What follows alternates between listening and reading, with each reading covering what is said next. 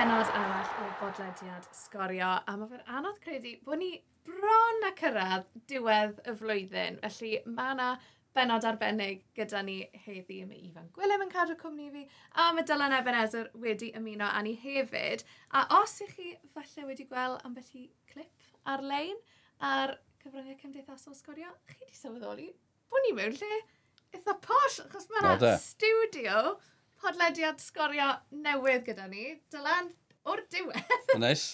Mae'n good. Bach yn gyfyng. Mae UKIP di ffonio sy'n lliwio'n yn ôl. A fan i ni. A mae'n lyflu. Na. Neis bod ma. Diolch yn fawr iawn. Ie, sgorio, pod sgorio ar ei newyddwydd. A i fynd gyda hynna, fi di newid y delwedd fi hefyd. Uh, os nag i chi wedi gweld, um, uh, fi'n Tali Tin Big gyda... news, big news. Tali Tin gyda Rob Page i fi wneud yn wneud fel, fel hint i chi beth fi newydd wneud. Ming the Merciless. Os chi'n cofio ffilm Flash Gordon blynyddoedd nôl, dim ond fi sy'n cofio ffilm Flash Gordon achos dim ond fi sy'n hen. Ond mae'n cool iawn. Mae fe'n mm. gweithio. Yeah, mae rhaid fe weithio. Ie, yeah, fair enough. Dim dewis da fi. a mae rhaid fi, mae rhaid ni roi shout-out i Ifan a'r cynnyrchydd Rodri am weithio mor galed am sort o'r set mae mas. Felly, ie, yeah, fan hyn i ni'n mynd i fod yn recordio rhan fwyaf o'r pods, felly yma fe'n neis. Ond rhoi vibes um, box o chocolate na'n dod i'n gweithio fi, actually. O, ie, perffaith y diwedd gyfer diwedd y fe. Actually, ond stym adduniadau nadolig, dyn ni. Ie. O, oce, sorry. Blwyddyn nesaf? Ie, tro nesaf. Pawb yn yna. Fine. Reit e, wel fel wedi si, ni wedi dod at ddiwedd y flwyddyn, felly i ni mynd i fod yn edrych yn ôl ar y diddeg mis diwetha, ni'n mynd i fod yn trafod popeth sydd wedi digwydd, yr uchaf bwyntiau, y cyfnodau sydd wedi bod yn anodd, ond ni hefyd yn mynd i fod yn edrych mlaen at 2020 a 2024 sy'n bonkers, fi'n credu, yeah, 2024, waw. Reit, Ifan, ble ni moyn dechrau? I ni moyn dechrau gyda gemer merched gan bod i hymgyrch nhw yeah. newydd orffen. Ie, yeah, os ni'n edrych nôl, y peth mwyaf diweddar yw gemau cyngre'r cenhedlodd, merched newydd fod, a mi oedd hi'n, oedd hi wasan mynd i fod yn ymgyrchanodd, y cyngre'r A gyda gwledydd fel yr Almain, Denmark a Gwlad yr Ia hyd yn oed, uh, Cymru mewn fel y detholion, pedwerydd detholion, a dechreuodd hi'n anodd, do, pum colled, colli 5 i 1 yn ebyn yr Almain, colli 5 i 1 yn ebyn Denmark, ond wedyn ni gorffen yn Abertawe, dyn nhw'r blaen yn ebyn yr Almain, a chi'ch doi yna, mm. be ddigwyddodd? Dylan o ti'n sylwebu. Ie, yeah, oedd yn... Nes i'n gweld e'n dod, mae'n rhaid fi gyfadde, mm. ond oedd e'n gret, oedd y performiad lot gwell. Um, mae fel siarad am tîm y dynion, chi'n mynd i sôn yn ôl i bimp yn y cefn, oedd nhw patrwm gwahanol, oedd yn rili really siwto nhw, hmm. oedd nhw'n edrych mor gyfforddus. Um, a canlyniad gwych.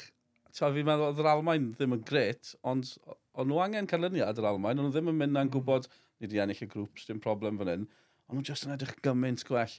A mae un peth, ni wedi bod yn gwneud gemau gyd yn y ymgyrch yma, mae wedi bod eitha rhwystredig, achos weithiau mae'r cyforiadau ar ôl y gemau um, Gemma Granger yn enwedig, mae'n mae edrych am y positives, a fi'n deall pam, ond weithiau, mae fe'n swnio fel eto, fi'n mynd ôl at Robert Page, mae fe wedi penderfynu bod y dron yn Croatia yn diffinio Cymru, le really, gysyn nhw fflwc, gysyn nhw'i hamro yn Croatia, a hmm. sgorio Nathan Broadhead yn hwyr.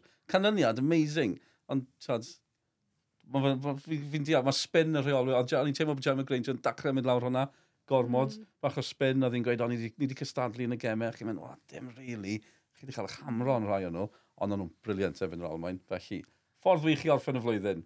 A hefyd, yn mynd mlaen at flwyddyn nesaf, achos mae fe'n rhaid i gymleth y broses nawr o wow. beth sy'n digwydd o ran cyrraedd Euro 2020 a 5. Fi ddim hyd yn oed yn mynd i dechrau trial esbonio fe, ond ti yn cael y tymlad gêm ddisgwr, gêm gyfartal, yn erbyn yr Almain, chweched tîm gorau'r byd, bod hwnna o leian rhywbeth really positif maen nhw'n mynd i allu cyrru ymlaen i flwyddyn nesaf. Ond yn teimlo'n masif, achos, tiwad, chi'n mynd ôl i'r 90au, mae'n oes wahanol, ni sôn am cyfnod Laura McAllister ar ein. Mm.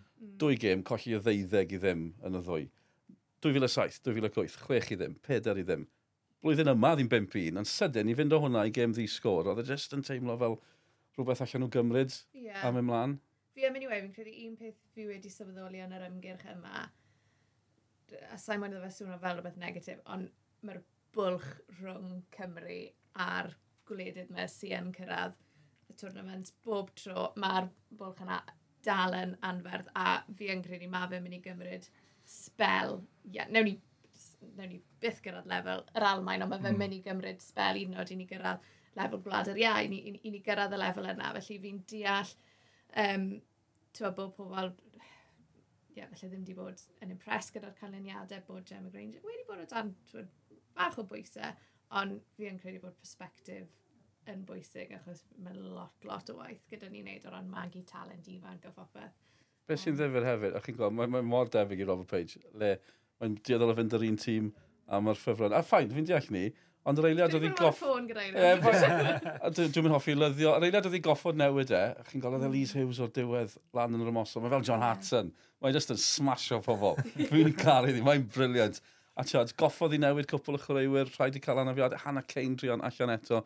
Ond just, pan mae pan mae chwaraewyr ifanc yn cael eu cyfle, Gwenyn Harris Stephen sôn am hyn, so mae rhaid, mm. rhaid i chi. Fi'n gwybod bod yn anodd, a bod chi ddim eisiau, chi'n chi trysto'r 11 ma, ond just rhaid i chi rhoi cyfle'r pobl ifanc ma. Tio, fydden ni ddim wedi gweld Jordan James. Mm. Tas yeah. cerdyn coch i mwrel. Anyway, fi'n fi mynd mlaen, ond ie, yeah, mae yna dalent ifanc na, just weithiau chi angen just bod yn ddewr a taflu nhw mewn a oedd Gwenna'n yn hapus iawn ar ôl y gêm nos fawr. Felly, os mae Gwenna'n Harris yn hapus, yeah, mae yeah. pawb yn hapus. Oedd hi, uh, diwedd yr wythnos wedyn ni, oedd hi ar ei Instagram, so mae'n wedi bod yn sôn am chwaraeon gyda Ysgol Glantaf, sôn am Merched Cymru. Oedd hi'n gwerthu ci goen bore yma. Weles i'r ar gyfer y doleg. Hysbysef, os rwy'n mae'n prynu hanner oen. Ti di prynu? Na, fi ddim, e, fi ddim. E, dwi'n gwneud i ddim yn gig arall, dwi'n gwneud i ddim yn cyn ar y ci goen. Ni'n cael os oes rhywun mae'n cig o'n o Gwernod Harris, gerwch ar ei Instagram i. A dwi'n just fel, waw, hwnna'n surreal.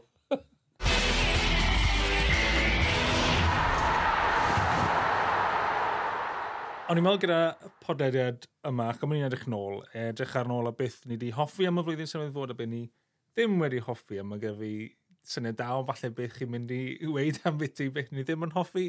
Ond o'n i ddechrau ar y positif, gan bod ni'n newid siarad am beth i positives um, ymgyrch Cymru yn yr Cyngren Cenhedloedd gyda merched. Felly, da gyda Sioned, chafbwynt y flwyddyn i ti, yn unrhyw un o tîmau Cymru, merched bechgyn ifanc neu hyn? Fela, er bod mae wedi bod yn flwyddyn anodd ar y ca, o ran gwaith, fi wedi bod yn lwcus, fi wedi cael profiadau really, really cool, A fi'n credu mae'r ddwy gêm yna yn erbyn Croatia yn sefyll mas, oedd mynd mas yna, oedd dechrau'r ymgyrch, oedd y daith cynta, oedd i gartre yn split, oedd split yn ddinas anhygoel, a wedyn, rai fe nes i ddim actually gweld gol Nathan Broadhead, achos oedd hi mor hwyr yn y gêm, o'n i'n gorfod cerdded lawr o ble o'n i'n eistedd yn y gêm, a ni kind of gorfod mynd fel tu ôl y tunnel, a wedyn fi jyst yn clywed y dorf a ni fel, angon, nid cefnogwyr Croatia, dweud e. A fi'n credu eisi lan at rhywun fel un o physios Cymru, a ni fel, who scored, who scored? Um, achos obviously o'n i'n goffo paratoi pwy ni'n mynd i gyfweld a popeth, so oedd hwnna'n really cool, a wedyn, ie, yeah, oedd mi ddyn nhw fan hyn yng Nghyrdydd, a so ble fi'n ystod yn ystod y gemau, fi reit ar bwys uh, fanc y tîm oedd i cartre, so ni reit ar bwys fanc Croatia, a fi'n credu o'n nhw'n meddwl bod fi'n nutcase, achos y dig munud ola, o'n i just nath yr het proffesiynol adael a ni kind of, o'n i mewn cefnogwr mod ffordd o'n i lan a lawr yn gwyddi. Um, a hefyd o'n i'n cael um, eithon ni ar y cae, wneud y cyfaliadau, so oedd bod, mae fe'n brofiad bizar, completely bizar. O'n i'n sefyll literally yng nghanol y car yn Stadiwm Dinas Cyrdydd, y wal goch, y dorf i gyd, a ni jyst yn sefyll, a ni fe, byddwn ni byth yn gallu wario yn fel mae hwnna'n, byddwn ni jyst yn sefyll yn edrych rownd a then, a gweld y chwaraewyr i gyd yn dathlu. Um, so ie, yeah, mae lot o'ch bwyntiau bach di bod, ond y ddwy gêm na, um, a gallu cyfweld a Modric, Kovacic, en enwau mawr hefyd. So ie, yeah, mae Croatia yn bendant wedi bod yn, yn eich afbwynt. Yeah. A hwnna, jyst i ategu, hwnna oedd yr unig daith yn yr ymgyrch, nath ni ddim cael unrhyw ffaff yr teithio. disaster so, to disasters. Ie, yeah, ni wedi cael lot o disasters teithio yn yr ymgyrch yma, ond oedd split yn smooth. A oedd yr hael mas, oedd e'n lyflu, felly ie, yeah, Croatia i fi. Ie, yeah, Croatia'n dîm nath gyrraedd rownd y gynderfynol Cwpan y Byd Mm. Fel llain o blwyddyn ôl yn recordo hwn. Felly, i gael pedair pwynt, mae'n sicr, mae'n positif mawr o'r ymgyrch. I chael bwynt i ti, Dan. Yeah, Gai jyst ategu hefyd, sôn yn sôn, ni'n lwcus istedd reit oedd ochr y caet. So beth, fi'n cofio gwylio Cymru ymgyrch ddiwethaf, oedd Joe Allen yn chwarae. A fi ffili credu, mae cyffyrddiadau'r chwaraewyr yma, pan chi mor agos yn ni, mm. mae'n gweld fe mor gyflym i'r gêm, a mae'n gweld, adnedig Joe, mae just tri person rownd e, e just touch it. Mae fe just, ni yn lwcus i gael eistedd. A mae'r cefnogwyr, mae rhain yn rhes flan, weithiau chi'n meddwl rhes flan, sy'n fyw mm. ffantastig, mm. sy'n nôl bach. A chi'n sy'n gweld y touches ma. Mae nhw ar lefel. Pa ffordd tro chi'n meddwl, yeah. o, gallu ni di, gallu, I could have been a contender. no chance. no chance. Eich afbwynt i fi, um, mae'r blwyddyn di gorffen y well na dechreuodd hi. Mae wedi bod yn flwyddyn hir, diddorol. a felly eiliad na ddal fi, dal sylw fi, oedd David Brooks y sgorio. Yeah. Fi'n credu, mm. ar ôl popeth mae wedi bod trwyddo ar ôl uh, y triniaeth cancer ac ati. A, a dim lot o ffas o gwmpas y beth, ond ar ôl mwy nawr edrych nôl ni'n credu, just yn mm. hyfryd, a mae fe'n gymaint o dalent, mae'n drosto fel tiad, person, mae'n gyd, mae'n gyd yn boys, boys da, ond um, oedd e'n lyflu, just iddo fe'n bersonol, mae wedi cael amser, amser caled, ie, yeah, yn teimlo'n teimlo eiliad fach special. Ti'n rhwng ti uh, Joe Allen hefyd, gynne, Oedd nawr de. Nes cael Joe Allen ar. Oedd hwnna, ie, yeah, y gêm, uh, y gêm Twrci, nath Joe Allen ymuno dyn ni, ddwch ar y cae. Un pundit, arbennig. Oedd e yn nerfus dwi hon. Mae stori really embarrassing dyn ni. Pan, so, oedd e cyn y gêm, a Joe Allen a oedd cael chat gyda daf cynnyrchydd y rhaglen, a oedd e ffotograffydd y cymdeithas yn y sefyll le. A o'n i'n meddwl oedd John yn tynnu llun o fi. so droi ys i rawd a dechrau gweini. A mae fe jyst yn... yn Gofyn, jyst yn mynd mas o ffordd. Neis iawn, jyst yn cael ei gwisio Joellen yn sefyll rhaid tu ôl fi. Ond nes i ddim oh. sylweddoli bod Joellen yn sefyll rhaid tu ôl fi, so o'n i'n meddwl bod fi'n cael impromptu photoshoot, ond... Ie, oedd yna, oedd yna, Charles, i fod yn deg, chi'n cael ambell eilad, chi'n mynd, o, mae da fi Joellen fan hyn, wrth yn ochr i, anhygol, Mosian Roberts, rwle, hefyd. Ti'n oedd y ddau, oedd yn ei chanol i mynd yn ei semi-finals yr Euros, hmm. mae gymaint maen nhw wedi gwneud. Mae'n gret cael ei eu input nhw. Ie, ie. Mae'n ni fel na. Er maen nhw'n cadw cwmni, Dylan. Ie, yeah, tri o'n nhw. Fi'n gwybod, reality check. E? Ond ie, oedd Joan really nervous i fod yn deg. O'n i mor thrilled bod yn dod i ymuno dyn ni. Um, nes, i, nes i ofyn os oedd boots da fe. Just rhag ofn, beth yn gwybod. Ie, mae'n mynd am ti. Ie, oedd eich afwyn fi, bach yn wanon. Fi'n mynd i nôl i dechrau flwyddyn, mis Mawrth, um, ffenest cynta a sylwebu ar y tîm dan 17. O, oh, ti'n mynd am hipster choice. Wel, ein personol i fi, achos dyn, oedd e'n... Ah, fi'n gwybod. Oedd yn neis bod na, achos oedd dim... Oedd, nhw'n gwerthu tocynnau. So, just teulu oedd yna yn gwylio. Uh, dwy yr un erbyn Montenegro, sydd ddim yn galyniad sy'n swnio'n eitha exciting, ond o'na'n sicrhau lle nhw yn yr Euros. Tro cyntaf i dîm dan 17 cyrraedd Euros erioed i mm. Gymru. Tro cyntaf sy'n 1981 i unrhyw un o dîm o Ieuenctid Cymru cyrraedd prif bencampwriaeth. Felly, ie, yeah, oedd e'n eiliad special iawn, a mae yna chwaraewyr wedi camu ymlaen, fel Charlie Crew wedi chwarae'r mm dan 17, dan 19 a dan 120 yn y flwyddyn galendr yma. Felly, tyd, maen ma nhw'n symud ymlaen a fi'n credu bod yna grŵp bach eitha exciting gael fyna. Os na enwe, ti wedi enw un. Harry Crew yw'r yeah, mwyaf o'r grŵp yna. Mwyaf yn y gyd. Iwan e Morgan, fi'n gwybod, nes di mm. wneud eitem gyda Iwan Morgan. Hyderus iawn. Brentford B. Ie, yeah, wedi symud o Abertawe i Brentford. Dyma yna rhai. Yma un arall ni'n gwneud symudiad cyn o'i hwnna hefyd, ath fy'n o Gyrdydd i Manchester United, sef Gabriel Bianchi. O, ie, ie, ie. Si nôl yn sgorio dwi'n o blaen? Si gyda'r enw gorau, fel, hmm. just, o, oh, fi'n fi obsessed, fi'n obsessed ar enw. Nes i weld i dad e yn, yn y gym, oh. a, o'n i'n gweld y boi ma o'ch pen pella, mae'n top Cymru, a ni'n mynd o'r ffrant, a'r rhif o'n o fe, ni'n mynd, mae hwnna'n edrych fel un, ti'n chi gweud weithio, mae hwnna'n gris go iawn, droedd yeah. y rownd. Beth, a Sych chi'n gweud yr enw, sori? Biancheri. Biancheri. Oedd Biancheri ar y cefn. A ni'n mynd, oh, well, A nes i just, oedd rhaid i fi. Mae'n ant o fe. Uh, so, is that your son? a dde fel, yeah, how do you know? A ni'n fel, well, sy'n lot o bobl yn cerdded o'n gyda Biancheri a'r Cris Cymru nhw. A nhw un o Crisau'r mawr. A dde bach yn dyn ar y tad. Right. tad... Right, Ond mae'r Biancheri'n fach. Yeah, so, mae'n neud sens. Biancheri'n ifanc. Mae'r tad yn iawn o fi sy'n mor depressing.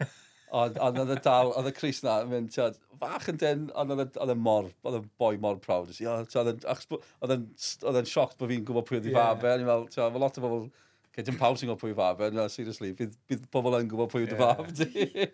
Nes i, gweld, so maen nhw newydd chwarae, lot o'r un crew wedi mynd lan i chwarae gyda dan, tîm dan 19. Maen nhw newydd cael, gyda Charlie Crew yn gapten anyn nhw, uh, newydd chwarae yn ymgyrch diwetha, uh, colli yn y gêm ola y grŵp yna yn erbyn, dwi'n gwybod, Montenegro, gyda lot o'r un chwaraewyr o chan oh. efo'n ei gilydd, yeah. i nocio nhw mas. Um, ond mae'r ma garfan yna, so mae yna cymysgedd o'r tîm dan 17, ond hefyd pobl fel Lewis Cwmas, Mab Jason Cwmas, mm. uh, Jaffet Matondo, brawd Robbie Matondo, a chwaraewyr fel Omari Benjamin, sy'n chwarae Arsenal. Na, mae fe'n cael sylw. Mae ma fe'n cael sylw mm. cefnogwyr Arsenal. Pan, yeah. pan ti'n gweld y rhain sy'n edrych ar y tîm ifanc, maen nhw'n sôn amdano fe. Yeah. Tipyn, so mae fe'n swnio fel i ni wylio. Beth sy'n odd yw, ti'n cyfnod John Toshak, byddai rhaid siwr o fod yn y garfan cyntaf. Er, yn barod. Ta, yeah. oedd Bale yr ein, oedd Bale yn, yn wahanol fi'n gwybod, yn 16. Tad, ond oedd Ramsey yr un, o'n nhw mewn, oedd Joe Allen gyntaf. Ta, 19-19, o'n nhw'n chwarae'r tîm cyntaf, felly oedd wedi newid. Mm, di.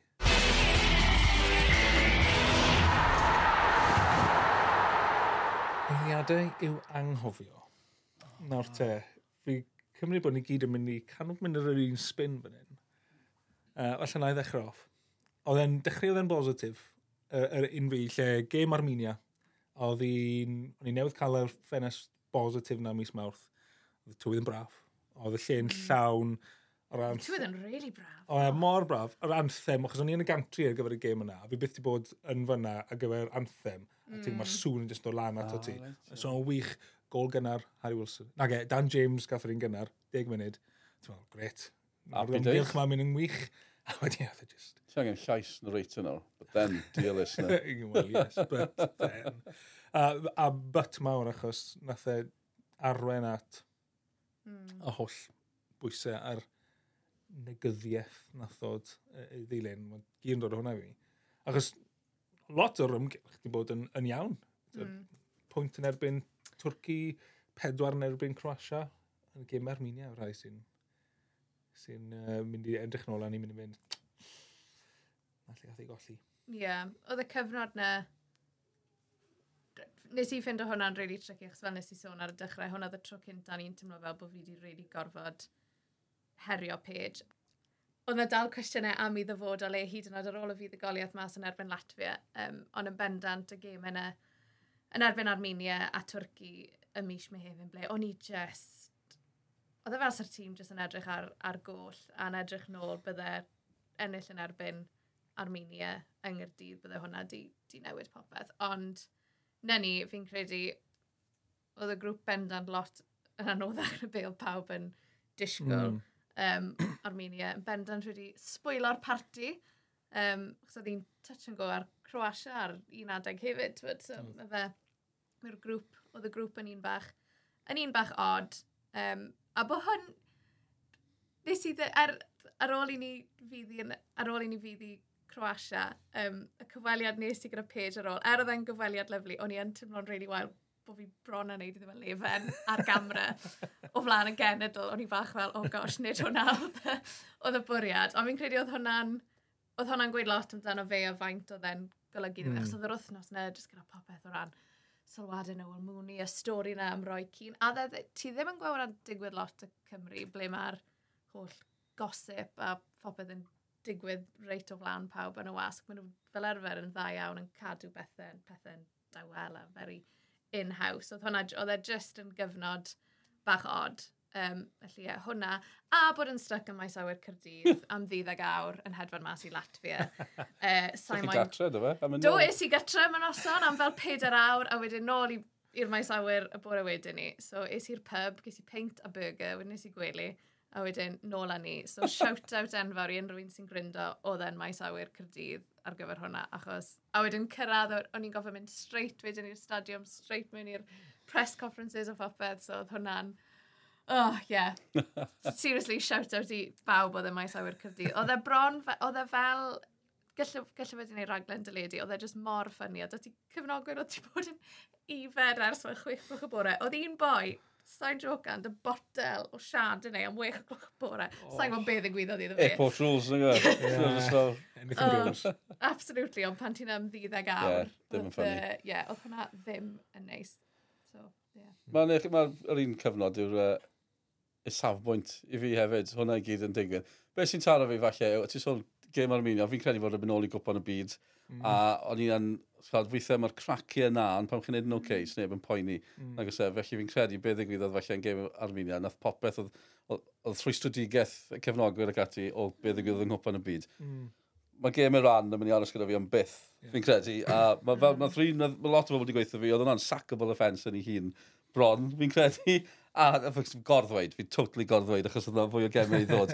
Ond, tiod, fi'n credu, a wedyn, dath y rhwystredigaeth allan. Tiod, mae'n hawl, o ti'n sôn, ddim wedi cael y profiad o fod yn holi reolwr dan bwysau. Dwi'n credu bod lot o ni, pan chi'n mynd ôl gyda Cymru, mm. mm. ffwff, diwedd tosh, falle? Ie, yeah. spel fawr. Ie, yeah, a fi'n, tiod, yeah. achos chi'n sôn, Gary Speedrion, cael ni gyd yn gwybod beth y fan yna, ers ni, mae pawb wedi gadael tiod, am resymau gwahanol, a sneb, mm. ni ddim wedi cael y cyfnod ma'n eich, ni'n trafod dyfodol y reolwr, hyd yn oed, felly bod ni'n trafod y dyfodol, ond dim mae scrutiny mm. fel yna. Be ddath weithiau, o Robert Page yn fwy emosiynol iawn i fi deall ni, oedd nath yr emosiwn syni fi, achos weithiau chi'n cymryd cam yn ôl, chi'n mynd, angon, mae pob reolwr yn y byd yn cael ei gwestiynu, yn mm. ddyddiol, mm. a tiod, so ni'n meddwl, o'n i'n meddwl bod y cwestiwn cwestiynu digon teg, ar y chlysur, so oedd rhaid dal wrth o gym Twrci, a fydd y pwynt na ni fel, hang on, yeah, yeah. digon nawr, ni wedi bod yeah. trwy hyn, okay, a oedd e'n flair. Ond fi'n credu oedd cwestiynu safle reolwr yn hollol deg ar ôl rhai'r mm. perfformiadau yna, a oedd cael yn edrych o bod ni ddim yn mynd i qualifio, felly ni dal ddim. Ond so, un peth goff, i wneud, cael galwad i fynd i holi Noel Mooney yn y canol o hyn i gyd. Oedd e'n awyddus i siarad. So dylan oedd y swister. Oedd e'n rhoi ochr e o'r stori. Yeah. Ti wastad yn un anodd, cos chi jyst yn meddwl, oce, okay, so chi eisiau herio nhw, ond chi hefyd, so, dwi'n gwybod beth i gwybod, os yw'r boi'n gweithio fi, nes i ddim siarad, mae'r stori roi cyn yn nonsens. Mm. Fi fel, mae'n chi gymryd e am mm. i air, tiod. Mm. A hefyd, os un yn trafod fod o'r reolwr, so what, pwy sydd ddim, tiod, fi'n credu mm. bod hwnna hefyd. A thyn fler fel, fel dyth e allan, yn gyhoeddus, fi'n credu, yw'r er, er peth bler amdano fe gyd. Ond oedd e jyst yn gyfnod, um, yeah, mm. awkward dros ben. Ond i heb, beth, un peth nath daro fi, a nes i holi hynny i Noel Mooney. Beth oedd yn poeni fi am yr holl beth oedd, bod ni'n cyrraedd y pwynt lle bod gymryd o emosiwn o gwmpas e, fel bod ni'n methu nod cael sgwrs gall. Can we have a mm. grown-up conversation about the manager nes i holi ddo fe? Yn dyfodol, dim nawr. Mm. Cos o'n i'n meddwl, gwedwch bod ni'n cael yn hamro yn y gemau nesaf, gwedwch bod ni'n cael yn hamro yn y, yn y play-offs. Ni'n goffa cael yr sgwrs eto, Yeah. So, a chi'n chi gobeithio byddan nhw'n cael y sgwrs eto, mm. Mae'n gwybod bod dos bosib o Robert Page yn derbyn yn ni. Hefyd, fi'n credu oedd e teimlo, oedd e'n ei chanol i, oedd e dan bwysau, fi'n credu oedd e'n teimlo bod e'n deg bod e dan bwysau, achos oedd gemau i fynd, gallu nhw wedi ennill y grŵp ac gati. A fi'n, mm. i fod yn deg, dy Page, fi'n credu bod hwnna'n fair enough. Ond um, yn y dyfodol, so fi'n gobeithio, bydd, bydd ddim angen gofyn y cwestiwn eto, achos ni'n mynd i fynd i'r Almain, bydd pawb yn hapus. Ond os nhw ddim yn digwydd, chod, mae'n ma deg gofyn y cwestiwn, fi'n meddwl. Fi'n cofio rhywun yn gweud unwaith, e, pil drod rhyngwladol, cynnaillio lan fan hyn, ni chi lawr fan'na, Stym, yeah. stym un cyfnod ble mae pethau'n... Wow. Oedd bwlch rhwng y gemau'r broblem, yeah. nid yw e? Gyda clwb, fydden hwnna wedi cael ei sorto mas mewn wrthnos. Yn gwybod, yn gwybod. Mae gorfod aros yeah. mis tan y gemau nesa, a wedyn, to bod hwnna gyd jyst yn adeiladu lan, a syfer, ie, yeah, oedd e'n... Ie, ti'n gweld, gyda Steve Cooper yn Forest nawr, mae'n cael ei mm. hamro. Ta, os yna'n gêm rhyngwladol, fydde ddim gêm dyfem, gwybod dim gêm dyfem, fewn dau fus. so chi'n treulio dau fus, yna'n dechrau Yeah. So, siarad am y reolwr. So, oedd e, e'n really, oedd e'n, o, o gyfer gymdeithas Bill George wedi, chos maen nhw wedi, ma bod yn berffaith piano, popeth. So, oedd e'n diddorol, ti'n nhw dan y lach ychydig, na gyda, so, oedd e? credu bod nhw eitha fel, o, o. Ond oedd e'n diddorol, doedd e mas, nath e gefnogi'r reolwr, fair enough. So, na pam o'n i'n meddwl, efo game Turkey, o'n i'n cyrraedd y pwynt, o'n i'n fel, o'n i'n clywed pobl dal yn holi, o, bydd yna ar gyfer y play-offs, o'n i'n fel, o, come on. A'r thing mae'r holl busnes am y review, nath pobl wneud mor o mynydd amdano. Nath mwyn i'n wneud y pwynt. Maen nhw'n cael reviews ar ôl pob yeah, yeah. camp a fe. just... O ran popeth, o ran logistics. O ran teithio. Union. Ond nes i ofyn, i'wch rôl chi, mm. yn dy review. Ie, yeah, popeth, popeth. Ddim just y rheolwr yw e. Ond o'r peth, pan chi'n... Mae yna bobl yn y wasg, ni gyd yn rhan ohono fe, maen nhw'n gallu cymryd un gair, mm. y gair bach na oedd hi. Mm. Ond oedd e, Fi'n credu bod nhw wedi bod, mae'n siŵr wedi bod yn meddwl am y peth. Fi'n cofio am un gwneud yn gweithio gyda Chris Coleman yn Andorra, y gêm na i ddechrau'r ymgyrch i fynd i hmm. Euro 2016. Cymru ar ei holi, nath Jonathan Ford troi at Ian Gwyn yn yr hanner cyntaf, pan oedd hi'n gyfartal, a gweud, if, if we don't win this, we're going to have to have a think about the manager. So, mm. so mae'n digwydd. Yeah. I think gyhoeddus, na'r problem, yn amlwg yn y cyfnod na.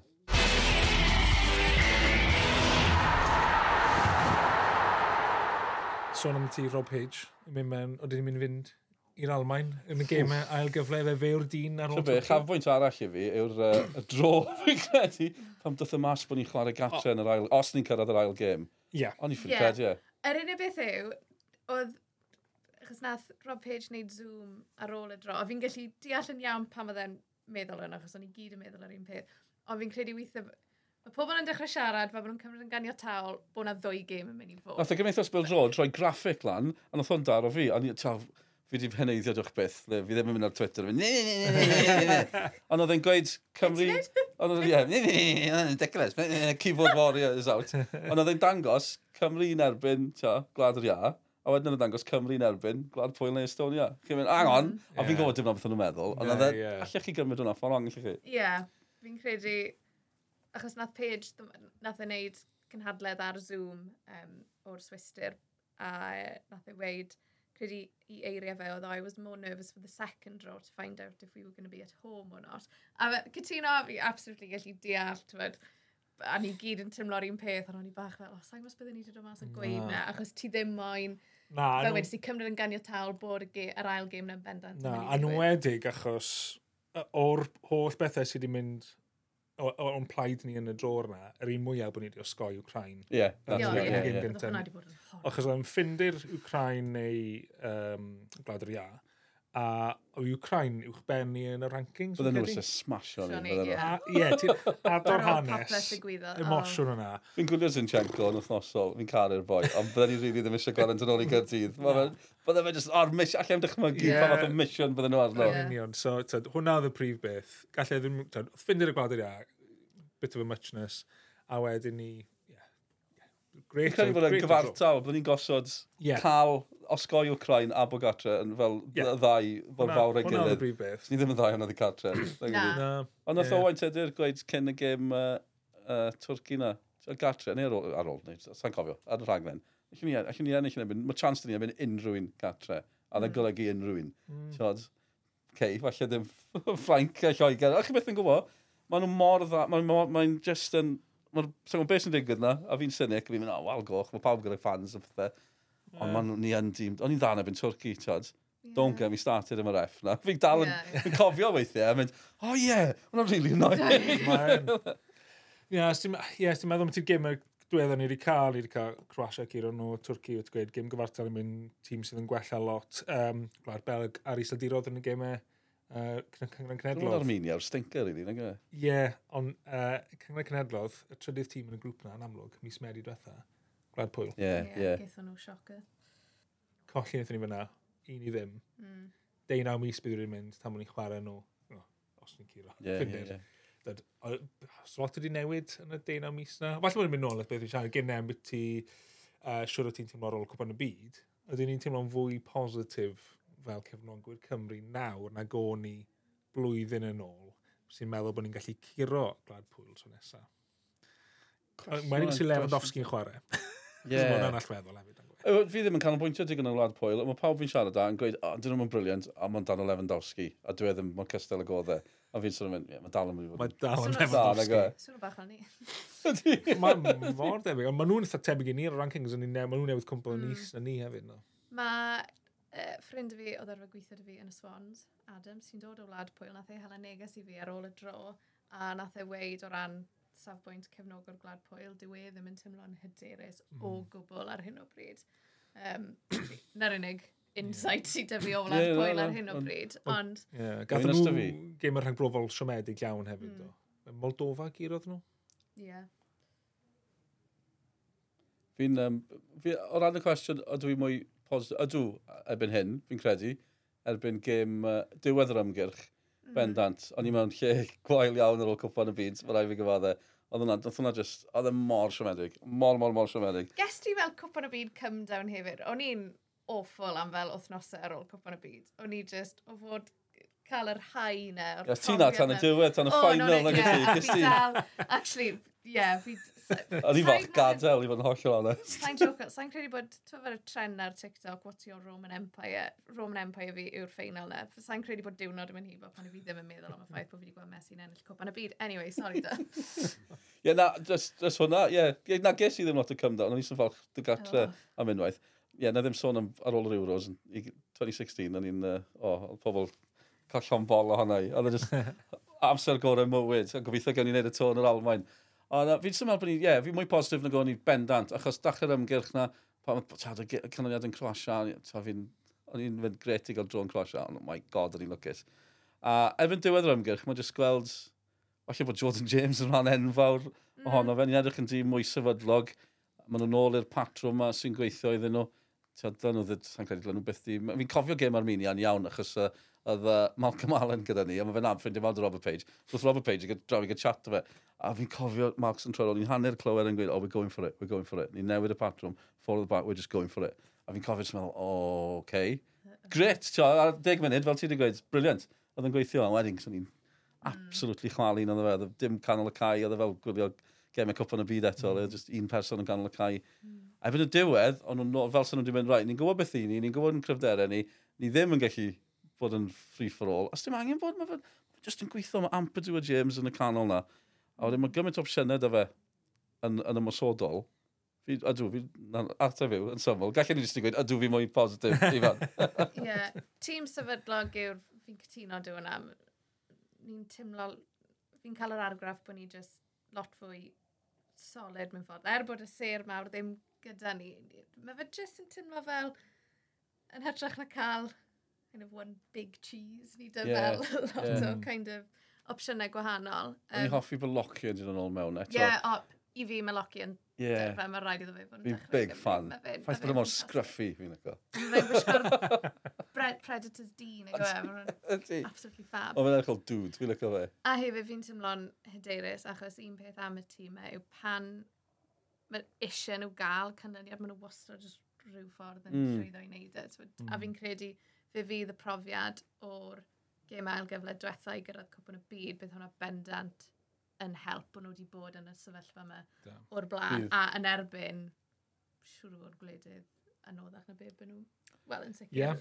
Ie, um, yeah, bydd ni'n gwybod Aws, Awstrian yeah. anoddach na ffindir. Yeah. A Ukraine a Gwlad Pwyl. Yeah. Wel, neu Estonia. Ni'n gwybod. Ie, yeah, neu Estonia, ie. Gallwn na fod. Uh, iawn, gallu... Ro'n anhwyl. Ro'n ddiddorol, fydda fe. Ti'n dychmygu, bod nhw'n curo glad foel a fan ni'n cyrraedd y colli na fy nhw. O, fyddai off da wedyn. Paid, paid. Gallu ddigwydd hwn. Gallu, o, mae'r peth. Fi yn, mae'n mynd yn ddiddorol, fydd y cwestiwn yn codi am Ramsey, na fydd, e, os fydd, e, pan fydd e'n mm. ôl, o, yw e'n mynd ôl mewn y tîm, a fi'n meddwl, pan chi'n gweld gemau ar lefel yna, chi angen rhywun, mae fe, fi'n credu efo'n Twrci, bydde fe wedi gwneud gwahaniaeth. Ond neu mor dda hebddo fe, a fi'n dwlu ar Harry Wilson, Tiod, pan mae'n chwarae nhw gyda um, Efin Croasia, oedd e'n just, oedd Wilson, oedd Brooks, oedd yeah. e'n mor fluid, oedd e'n lyflu. Yeah. Just ar gyfer y gemen mawr na, just mm. plonciwch Ramsey mewn hefyd, just i, i, i, am yr eiliad na, yr eiliad le mae mm. angen torri drwodd, am y bas, mae fe just, fi yn obsessed. Mae hwnna'n amlwg. Ond ti'n, mae Joe Allen di mynd, mae Bale di mynd, ond just, yeah. chi'n ddal man i Mr Ramsey, I mean, uh, cwpl o gemau to, mynd yn i'r Almain, diolch yn fawr, geithefyn off wedyn ni. Na stop o dilyn e, bob man. Un I ni moyn sôn am yr Almain yn fras iawn, achos yn amlwg mae... Licen ni wneud, achos... Dro wedi digwydd o ran pwy... O ie, yeah, yn gofyn hwnna. Cymru o bosib yn ware. Oedd hwnna'n hilarious. Sa'n moyn jinxo fe, achos... Oh my gosh! ni sydd technically yn y grŵp of death unwaith eto. Ni oedd yn, wel, o ran restr detholion byd FIFA, ni oedd gyda'r grŵp gweithio mas yn Qatar, ond pa mor agos oedd pawb yn y hmm. restr. Mm. A mae'r un peth di digwydd tro yma eto, felly'r iseldiroedd, Austria a Ffrainc. mm. A hefyd, dim mwy na ni, mae'n cedi bod e'n grŵp gret, achos mae'r llefydd mae'r gemau hefyd. So mae'r oh, iseldiroedd yeah. yn Hamburg, mae Austria yn Berlin, Lyn. a mae Ffrainc yn Dortmund. A so fi'n credu, gallai ddim yn bod lot gwell. Fi'n credu fel dinas, falle bod Munich yn well na Dortmund, ond fel stadiwm, ti'n moyn bod y dot wedi ti. O'n i'n teimlo bach fel, ych chi wedi fel y mîm na o'r ferch blond, a mae oedd y kombucha meme neu rhywbeth fel a fi probably ddim yn gwneud unrhyw sens. Anyway, ond oedd e basically, o'r ti'n gweld um, enwer gwledydd yn dyma, o ti'n kind of yn edrych yn y fe, mynd, oh gosh, ond wedyn o ti'n gweld oh, Berlin, Wynwood. Dortmund, uh, Hamburg, Hamburg a ti'n fel, oh, okay. Ie, yeah, yeah, yeah, yeah. O'n i hefyd yn edrych ar uh, y dyddiadau, Felly, y cyfnod o'n i'n cyta, naw diwrnod, o, o gêm i gêm, yeah. naw diwrnod. So, be bynnag sy'n digwydd, os ni'n cyrraedd yr Almain, bydd yn ddeg diwrnod, a bydd yn yr Almain. Yeah. Bydd e ymddiheriadau i cyta, lle bach yn ryfedd. Mm. Oedd hi'n anodd cael hwyl, cael peint, a ddyn ddryd pan mwch chi'n llwyddo cael un. yeah. yeah. Brwyd a ddim yn isiw yn yr Almain. Na, bydd. a lot o grwps diddorol, mae yna grŵps e, tuag at y diwedd, grŵp A a F, sydd yn quite the opposite i grŵp dy, sydd mae gyda ti gwledydd oedd yn... Dwi'n di edrych lot o'n nes i just gwneud o'n i grŵp Cymru, o'n i fel, oh, waw. Mae pan mae'n dod unrhyw fel major tournament Cymru neu byd o, fi'n obsessed. Wel, cael um, bwyntio efo'n y haf, ond yn teimlo bach yn gyrraedd. So mae gyda ti, yn y grŵp ola, Twrci, pwy bynnag sy'n ennill trwy llwybr ec, a wedyn i Portugal a wrnydd Czech. Felly, ie, yeah, mae hwnna'n un eitha diddorol. Mae'r ma llwybr ec na mynd i fod yn rhywun naill ai Groeg, Kazakhstan, Luxembourg neu Georgia, mae un o'n nhw'n mynd i fod yeah. yn cymryd lle. O, dyna ni weld groig. nôl yn yr Euros. Ie, yeah, 20 mlynedd ar ôl nhw ennill yr holl beth. O'n i yn groig pan yn allan hwnna. Oedd nhw? Really? O, oedd yn hilarious. Oedd y lle'n mental? Ath y lle'n hollol men. O'n i ar ynnes fach. Oedd yn hilarious. O'n i wedi dachrau mynd i'r un bwyty ma. Ison i un i'r bwyty yma un noson. Fi'n credu pan maen nhw'n y quarters falle a yn y lle, a lle mor nuts. O'n i'n fod troedd groeg yn chwarae, ni'n mynd nôl i lle yma. A nhw'n o'n ystod y platiau yma, smash o platiau. Yn Nellion o'r ffainal, oedd pobl yn mynd rownd y pentre yma gyda shotguns. Oedd nhw'n gefn pick-up trucks, just yn seithi shotguns yn yr awyr. Oedd fel bod yn tregaron, basically. O'n i'n teimlo'n gyfforddus iawn na.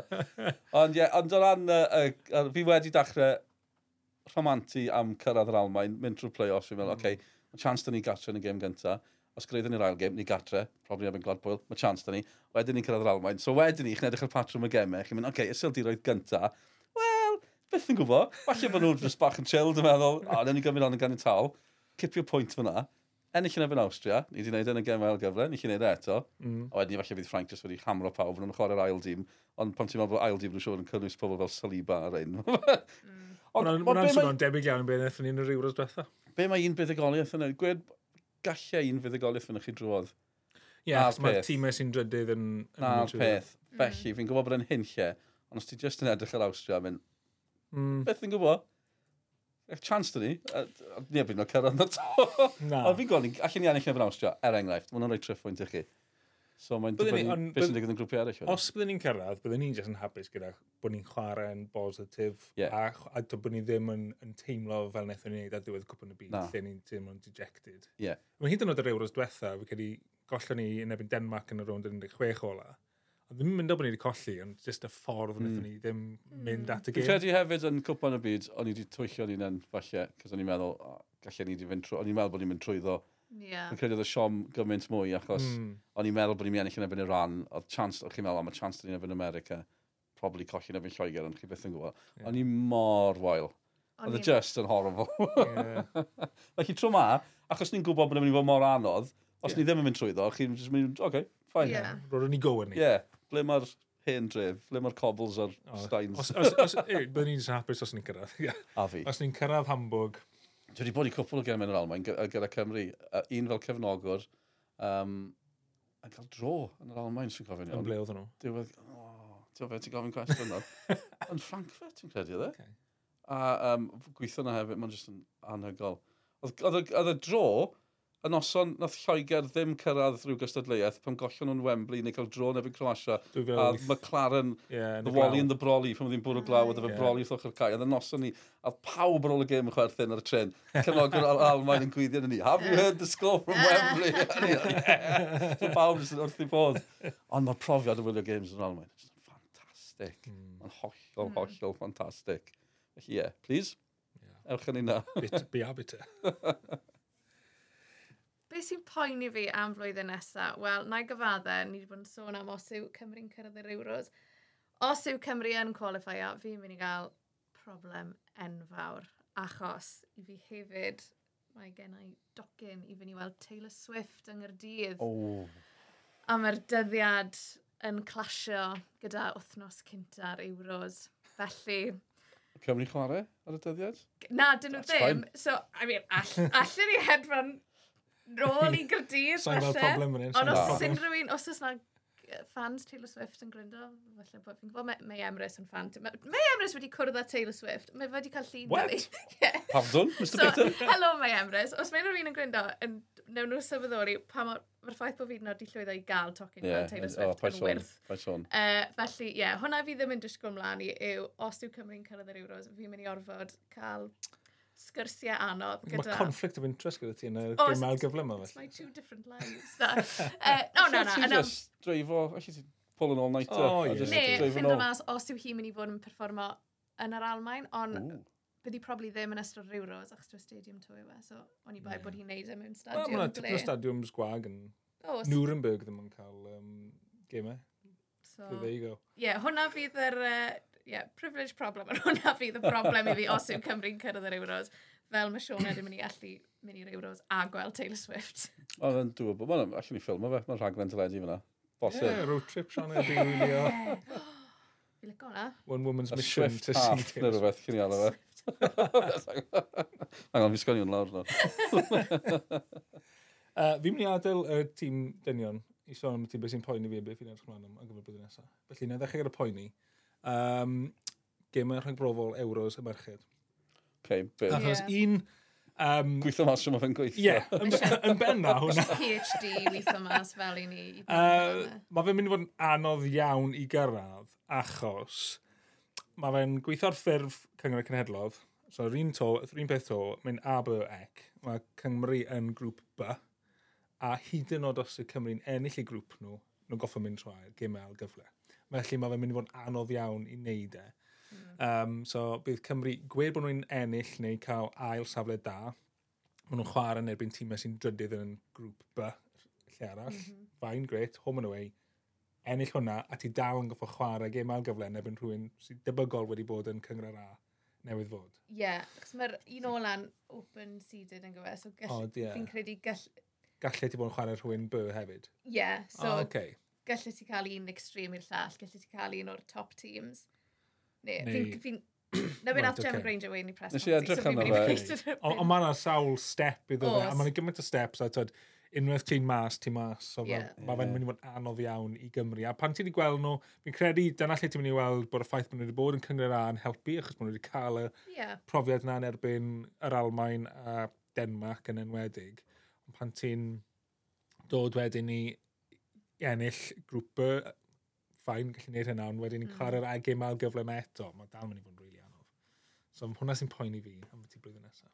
Ti'n colli cwsg dros yna? Ond poeni fi nawr. Ie. Stres o fi mas. Ond i nes i edrych yna fe'n gyflym cyn sylwebu ar gêm yr Almain, am rai fi wedi, nes i wneud y cam cyntaf, cyrraedd yr ail gam, a ar ôl ni'n mynd, ond na'i boeni am hwnna blwyddyn nesaf. Mae'n yeah, dyna beth, dyna beth sy'n ni'n anamod, bod e mor complicated. Fi'n cyfens bod nhw wedi cyflogi adran graffeg, so ma'n neud yr explainers bach na, fideos i weifa, nag ydyn, a sdim lot yn nhw'n neud, so ma'n mynd, yeah. beth yn mynd, reit, nhw'n dro, mae mor gymleth, bydd rhaid yn nhw'n neud explainer bach arall i ni. Guys, chi'n iawn, mae'n rhywun cwpwr ddwle. Mae'n mynd nôl at yr un cwpan y byd, achos dyn ni'n ni curo Bosnia mewn gêm o'n mm. gyfle, a wedyn ni'n goffa chwarae Swister, yeah. a wedyn hi'n rost yn ni'n neud hynna, a ni dal yn goffa mynd i i'r intercontinental playoff. Oh, yeah, yn Bosib yn Australia neu Zealand yeah. yeah. Felly, mae'n ma teimlo fel bod um, tîm Gemma Granger wast neu Jane Ledlow, wastad yn goffa mynd trwy rhyw fath o convoluted ffyrdd sydd yn mm. yna er mwyn stopo Cymru rhag cyrraedd uh, prif ddiwrnod. Fel mae'n teimlo. Ie, yeah, na gysio nhw taro fi. Bydd na kit newydd? I fynd o un begon difrifol i'n oh, arall? Yeah. Os, mae'n siŵr bydd na kit newydd yn y haf, os ni'n mynd i'r Euros, nefyd e? O, oh, mynd i'r Euros yn byd o, bydd na kit newydd. O, te. Right. So, bydd fi'n edrych mlaen yn gweld kit away. Bydd bydd prynu kit away i Cymru, os oes kit away yn neis, na lle na i brynu hwnnw. Da. Mm, wel, brynu si hwn, yr un wy'n gwisgo nawr, yr un cartre. Nice. Fi'n lygo cola. Mae'n oce. Hmm. Mae'n oce. Nath o ddim wneud fi tynnu'r arian mas o'r pocket. Fi'n dwlu ar un y merched, yr mynydde. O, oh, fel... ie. Ydy, mae'n cool. Minty green. Fantastic. Yeah, nice. Ydy, ydy. Carry kits. Na fe, chafon blwyddyn nesaf yn barod. Kit newydd, here we go. Achos mae plant y fi, fi'n prynu'r whole shop. Wel, dim socks, ond so maen nhw'n cael rhif ar y cem, weithiau rhif nhw. Mae rhif ar y ffrant. Na, gath, gath, actually, gath Freddy y kit cyfan, os fi'n do, achos fi'n cwpan y byd o dde. Yeah. Ond mae rhif ar y ffrant, o, oh, mae'n neis. Rhif ar y bach, lovely. Ond pan chi'n ychwanegu rhif bach ar y ffrant, yeah, nice. bach, sy'n cadw fi'n apus. Ebsi, beth ti'n becso am? Uh, yeah, just, gyffredinol. Yn syml. uh, yeah, Lits ffeil droed. Hwn di troi mewn i therapi. Faint, o, faint mwy o um, merch mas nhw'n gallu rhyddhau. Cael arian mas am hoced i. Oh, please stopwch. Um, a just, ie, yeah, fi'n just, fi edrych mlaen ac yn poeni am yr un peth. Fi'n credu gemel gyfle. Alla am gweld tu hwnt, tu hwnt hynny i fod yn hollol onest. Da ni ddim yn sylwi bod uh, taith y merched mor gyfleth a ti'n yeah. newydd esbonio, felly mae hwnna'n bent os bach arall, cos byddai mor braf gol am y prif gystadleuaeth, ond yeah, sa'n chi gweld ti hwnt uh, y play-offs na. Fi'n edrych mlaen a fi'n poeni hefyd. a mae fe'n mynd i ddod rownd yn gyflym iawn, er bod mis Mawrth yn teimlo fel ages. O dolyg, wedyn, god, dolyg nawr, i edrych mlaen at hwnna, wedyn, unwaith ni mewn i flwyddyn newydd, bydd y dydd yn dechrau mestyn, erbyn y play-offs ar ôl, bydd y clocs falle yn dechrau mewn mlaen. Briliant. Amdani, ni gyd yn cael deffro, ond trwm gwsg. Wel, fi'n beth i fi'n edrych mlaen at e. Tîmau ieuncti'r Cymru, achos mae gyda lot yn o cyfleoedd i fynd i prif dwrnament ar hyn o bryd. Mm. Um, dan un o'r hugen, na i ddechrau gyda nhw, achos fi wedi bod yn sylwebu ar y gemau nhw, a maen nhw uh, ar frig y grŵp gyda Denmark, uh, neu ymgyrch nhw, grŵp anodd tu hwnt, a nhw'n dechrau gyda tair gemodd i cartre, mynd yn ddigiro fyna. Um, yeah, mae carfan just exciting, mae fel ni'n gweud Charlie Crew gyda, ond hyn o pobl Robin Colwell, uh, Charlie Savage, Joe Lowe sy'n cael cyfleoedd gyda'r tîm cyntaf hefyd. Fi'n dylio Robin Colwell. Oh, fi ma... jyst yn meddwl, sa'n gwybod beth yw'r cwestiwn yn fe o'r ateb. fi just yn gweld e fel, oh, sa'n gwybod, pan fod Cymru fel pwy sy'n chwarae'n, mae rhaid bod lle iddo fe. Wel, gêm yn y gilwad pwyl na fi'n credu, fi'n cofio fynd ymlaen fel eilydd a chwarae gorau ni ar y ca. So i'n ôl at y mm. dod gwrthwynebwyr nesaf. Sean bod angen roced mewn lle poenus weithiau. Yeah. A falle yeah. mae'n abys i'n dal yn ôl. Ond os chwilio ni'r roced na, fi'n i'n iawn. uh, game yn erbyn Lithuania mis Mawrth i, i ddechrau 2024 unrhyw. Mm. Felly gobeithio yn arod yn ei pryd, bydd yna tipyn o dorf na i weld nhw. Uh, ond hefyd, mae yna gemau i'r tîm dan 17 nesaf, y batch newydd o'r tîm dan 17. Mm. Maen nhw newydd ennill grŵp gyda Gwlad Belg, Ciro Gwlad Belg a Gibraltar. A maen nhw'n chwarae yn erbyn Sweden, Bulgaria a Romania. A'r tîm oedd ti'n ennill ac yn gorffen yn ail yn y grŵp yn, ennill, yn cyrraedd yr Euros. Neu saith allan o'r wyth mm. sy'n cyrraedd so, Mae pobl pel droed, maen nhw'n ma nhw um, esbonio y grŵp yma fel rhai ni gallu egeni mewn rhyw flwyddyn benodol. Ydyn, ie. So beth yw'r... Mae rhaid yn mynd i fod yn 2008, you know? Mm, Byddwn wedi cael ei geni yn 2008. Ydyn nhw, 2008. Os ydyn nhw'n 16. O, oh, waw. Oh my gosh. Na gwe? Pam ti'n meddwl amdano fe? Oh gosh. Ie, yeah, falle ti'n iawn. Wel, yna'n chwarae mewn. Cos fi'n cofio cael sioc ar y rhai cyntaf yn dod drwodd a di cael ei geni yn y flwyddyn 2000. Yn y millennium, yeah, oedd hwnna'n chwarae mewn ni. 2000, mae'n rhaid? 2000, waw. Ac ar y nodyn yna. Ie. Um, Wel, mae'r batch yma hefyd, beth mynd i nhw, 2008, neu beth bynnag nhw. Um, mae Cymru newydd cael um, lenni bod nhw'n uh, cynnal Euro 2000 a 26 yeah, ar gyfer tîmau dan 19, felly'r batch yma fyddan nhw. A lle'r gemau yn, o, oh, os fi'n cofio off top of hen fi, Cairas, Glan y Dyfrdwy, uh, Dimbych, mm, Ffordd Llanelian a Namporth. O iawn. A falle wedi methu. Sorry, Gogledd Cymru, os wedi methu. Os ti'n iawn, mae hwnna'n impresif. Os ti'n cael yn o'n union. Dimbych oedd yr un anodd i gael.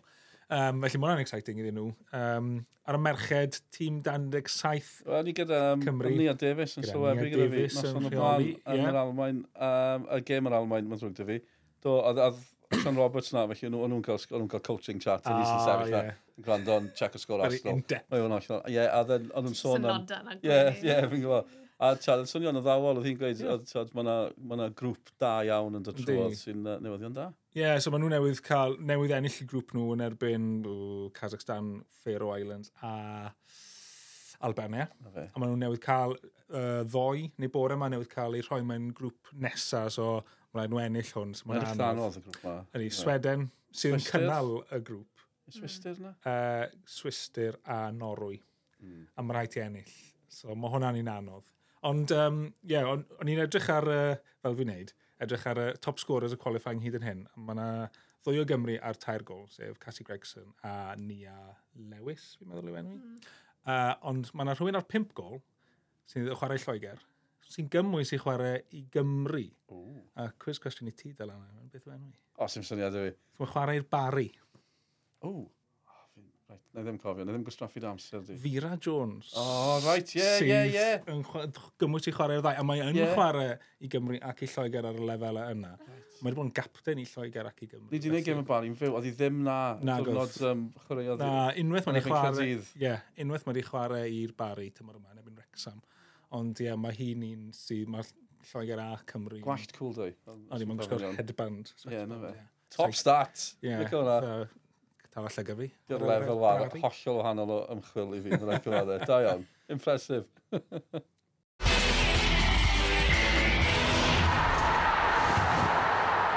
Wel, Ifan, Dylan, diolch yn fawr am eich cymryd chi. Joes i hwnna? Fi'n o'n cofio rhywbeth arall fi'n poeni am, am flwyddyn nesaf. Mae'n flwyddyn fawr o ran pen blwyddi i fi. Sa'n gwybod sut mae hwnna wedi digwydd. Ni'n sôn am chreuwyr yn cael ei geni yn 2007-2008. Cys i'n geni 1974. Sy'n golygu bod y hanner cant ar y ffordd. Waw. Big 5-0. Sut nath hwnna ddigwydd? Ta beth? Sut mae'n chi poeni am na? Na i just poeni am na. Wel, diolch i chi gatre am rando. Byn ni'n ôl cyn y flwyddyn newydd gyda pod bach arall. Ble byn ni'n trafod? Fos angen be, Ifan, be, be byn ni'n trafod? Wasgwn ni rhywbeth mewn i edrych mlaen ar gyfer... Mae yna gymau. Gwyl Stan Steffan a flwyddyn newydd i edrych mlaen i. Tym bod ni'n cael brec bach amdolig. Os rwy'n gweithio fi, oedd pod yn ei Spotify Wrapped nhw. No. Really? O ran y prif podlediadau ffaf. I'm fifed, ie, dyna fy cyfri. Oedd e yn Spotify Wrapped fi, ond dim ond un podled, achos fi'n gryndo'r pod fi ar yr app Apple, Apple felly, yeah. oedd e'n gwneud your top podcast, just pod sgorio. um, mwy o hynna, please. Fi'n mwyn gweld pawb sydd wedi bod yn cael Spotify, sgorio ar ei Spotify Wrapped nhw, please. Wel, diolch yn fawr i chi am rando penunol cyn bo hir. Ifan, Dylan, diolch yn fawr. Diolch yn fawr. Dyna. Dyna.